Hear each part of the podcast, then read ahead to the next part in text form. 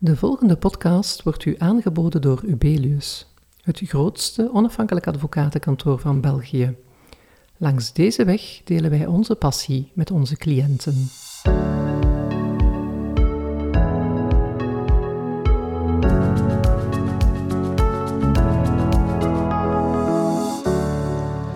Ondernemingen zullen met het eenheidsoctrooi hun uitvindingen goedkoper kunnen beschermen doorheen de Europese Unie. En met het eengemaakt octrooigerecht zullen de inbreuken makkelijker kunnen gestopt worden in diezelfde lidstaten. Welkom bij deze Ubelius podcast. In deze podcast belichten we het nieuwe eenheidsoctrooi en het nieuwe eengemaakt octrooigerecht. Ondernemingen die hun uitvindingen in de EU willen beschermen met een octrooi, krijgen vanaf begin 2023 een nieuwe optie. Vanaf dan zal het immers mogelijk worden om een eenheidsoctrooi aan te vragen. En dat is niet het enige. Er komt voor houders van Europese octrooien en eenheidsoctrooien ook een nieuwe internationale rechtbank met afdelingen in de lidstaten. Met deze nieuwe rechtbank zal het mogelijk worden om een inbreuk op een octrooi in één keer onmiddellijk voor 17 deelnemende EU-lidstaten te laten vaststellen. Aan deze nieuwe mijlpaal gaat een hele geschiedenis vooraf. Pieter Callens vertelt ons het verhaal in deze podcast. Pieter is partner bij Ubelius en legt zich al bijna 20 jaar toe op het commercieel recht en in het bijzonder op IP en ICT-recht. Hij volgt het project van het eenheidsoctrooi en het nieuwe eengemaakte octrooigerecht al op sinds het prille begin. Welkom Pieter. Dank je, Connie. Pieter, er komt een nieuw eenheidsoctrooi, maar we kennen toch ook al een Europees octrooi? Wat is het verschil tussen die twee systemen? Wel, het Europees octrooi zoals we het op vandaag kennen, is geen echte Europese titel. Het wordt na verlening eigenlijk een bundel van nationale octrooititels, Connie. En dat heeft een aantal gevolgen. Je moet in elke lidstaat aan een aantal voorwaarden voldoen, vertalingen eh, deponeren, eh, taxen betalen per lidstaat. En meest belangrijk voor dit project is, je moet ook, als er een inbreukmaker is, in elke lidstaat afzonderlijk een procedure gaan starten tegen de inbreukmaker. Met het eenheidsoctrooi kregen we echt één titel. Een eengemaakte titel voor 17 lidstaten. Mhm. We spreken over een eenheidsoctrooi, maar als ik het dus goed begrijp, zal het slechts voor 17 EU-lidstaten kunnen aangevraagd worden. En dus niet voor alle 27. Hoe komt dat? Wel, het project kent een lange ontstaansgeschiedenis en was politiek ook niet zo evident. Um, het is ontstaan vanuit de Europese Unie. De Europese Unie die in 2012 28 lidstaten telde, maar niet alle 28 waren zo'n voorstander van dit systeem. Bijvoorbeeld Spanje en in het begin ook Italië hadden bezwaren om taalredenen. En um, daarom zijn er uiteindelijk maar 25 EU-lidstaten die um, ingestemd hebben met de verordeningen rond het eenheidsoctrooi. En dat kon op dat moment via een speciale regeling van de versterkte samenwerking, die in de geschiedenis van de EU nog maar uh, twee keer is uh, toegepast. Ja, dat is inderdaad niet iets, iets courant. Maar nu zeg je 25, dus na Brexit zijn er dan nog steeds 24. En toch zijn er maar 17 waar je dat eenheidsoctrooi kan aanvragen. Klopt. En dat heeft alles te maken met het feit dat men er ook voor gekozen heeft om geen eenheidsoctrooi te hebben zonder ook een eenheidsrechtbank. Dus een rechtbank die bevoegd is voor alle deelnemende lidstaten.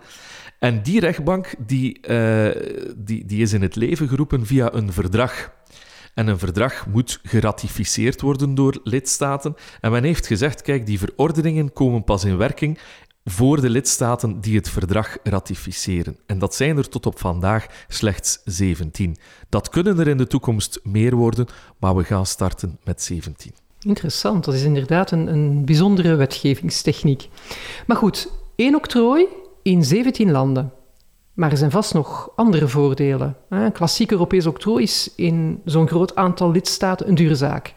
Zal een eenheidsoctrooi goedkoper of misschien eerder minder duur zijn dan een klassiek Europees octrooi? Ja, er zijn zeker financiële voordelen eraan verbonden en dat was ook het opzet vanuit de EU. Dat is het octrooisysteem goedkoper en toegankelijker maken.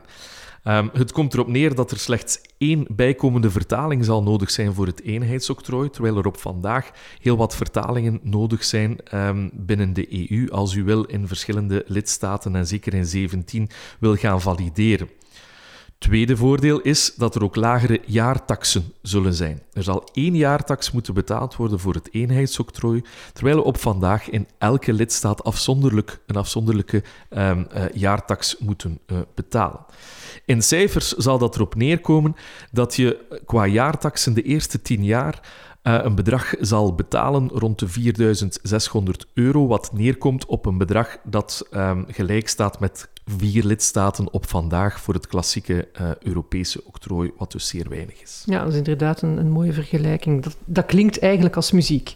Maar ik kan me inbeelden dat er ook nadelen ver, verbonden zijn aan dat nieuwe eenheidsoctrooi.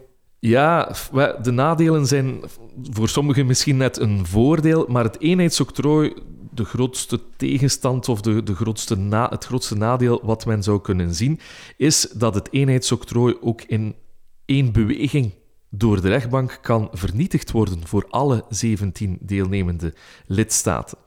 En dat heeft dus te maken met die nieuwe rechtbank, die dus voor datzelfde territorium bevoegd zal zijn. Dus het is een beetje een alles of niets uh, octrooi. Het is één titel en die is er voor 17 lidstaten, maar die kan ook verdwijnen onmiddellijk voor diezelfde 17 lidstaten. Oké, dus we hebben een nieuw unitaire octrooititel, een nieuwe rechtbank.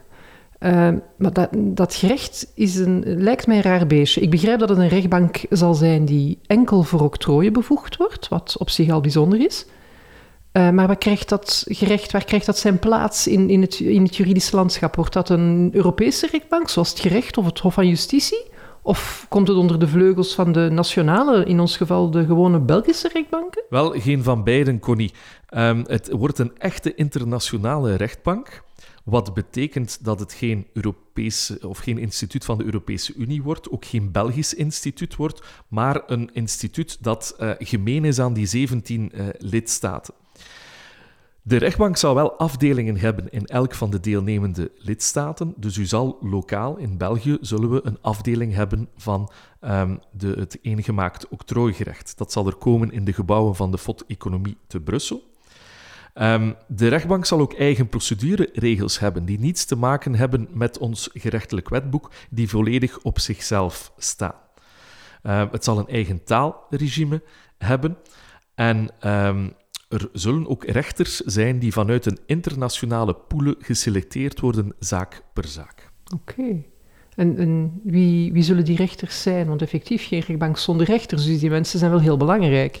Wel, het zullen natuurlijk rechters zijn uit die uh, lidstaten, maar het wordt een internationale pool van rechters. Dus per zaak zal er uh, één, minstens één rechter uit de lidstaat waar de afdeling is gevestigd, uh, zal er één uh, rechter optreden. En daarnaast zullen er twee rechters zijn uit andere uh, deelnemende lidstaten. Enkel voor grote lidstaten zoals Duitsland zullen er twee nationale rechters zijn en één rechter uit de poelen. Dus dat betekent heel concreet voor België dat we in Brussel kunnen per zaak een, een zeker één Belgische rechter zullen we hebben, maar die zal geflankeerd worden door bijvoorbeeld een Franse rechter een Duitse rechter, een Nederlandse eh, rechter. En dat wordt per zaak bepaald. -hmm, interessant, dat is een heel andere aanpak dan wat we eigenlijk gewoon zijn. Hè? Ja, kijk. Nu, dat octrooigerecht wordt bevoegd voor de eenheidsoctrooien. Maar je zei net, dat is eigenlijk een variant op de klassieke Europese octrooien. Blijven die gewoon behandeld worden door de rechtbanken wanneer daar betwistingen over zijn? De gewone rechtbanken dan? Wel, hier wordt het misschien een klein beetje complex, want die rechtbank zal inderdaad ook bevoegd zijn voor de klassieke Europese octrooien zoals we die kennen. Maar um, omdat er geredeneerd werd dat bij het aanvragen van het Europese octrooi u misschien nog niet wist dat die rechtbank er zou komen, heeft men in een overgangsregime voorzien. Wat bepaalt dat overgangsregime? Dat je gedurende een periode van minimum 7 jaar, maximum 14 jaar, de keuze zal blijven houden tussen ofwel een procedure voor uw nationale rechtbank zoals u die nu kent, ofwel een procedure voor het eengemaakt octrooigerecht. Anderzijds is er nog altijd een mogelijkheid om volledig aan de bevoegdheid van deze rechtbank te ontsnappen voor uw klassieke Europese octrooien en dat is door een opt-out te doen. Dus u kan een, ehm, een declaratie indienen, een opt-out indienen bij het gerecht, waarbij u zegt van kijk, voor mijn octrooien wil ik uh, niet onder de bevoegdheid van die rechtbank vallen. De verwachting is dat veel ondernemingen dat effectief ook gaan doen. Um, u kan ook nog um, uw keuze wijzigen. U kan steeds die opt-out gaan terug intrekken. -hmm.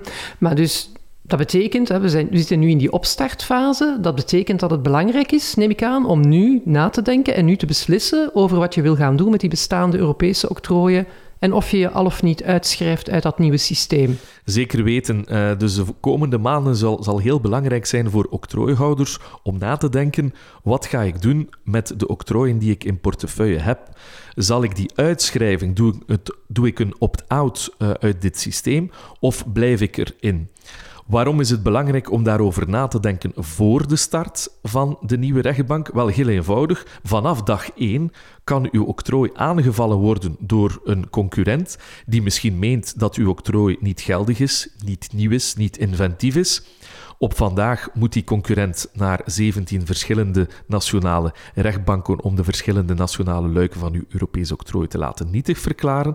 Maar vanaf dag 1 van de UPC, van dit eengemaakt octrooigerecht, zal die concurrent kunnen gaan naar die rechtbank en hebt u het risico dat uw octrooi in één beweging voor 17 lidstaten wordt vernietigd.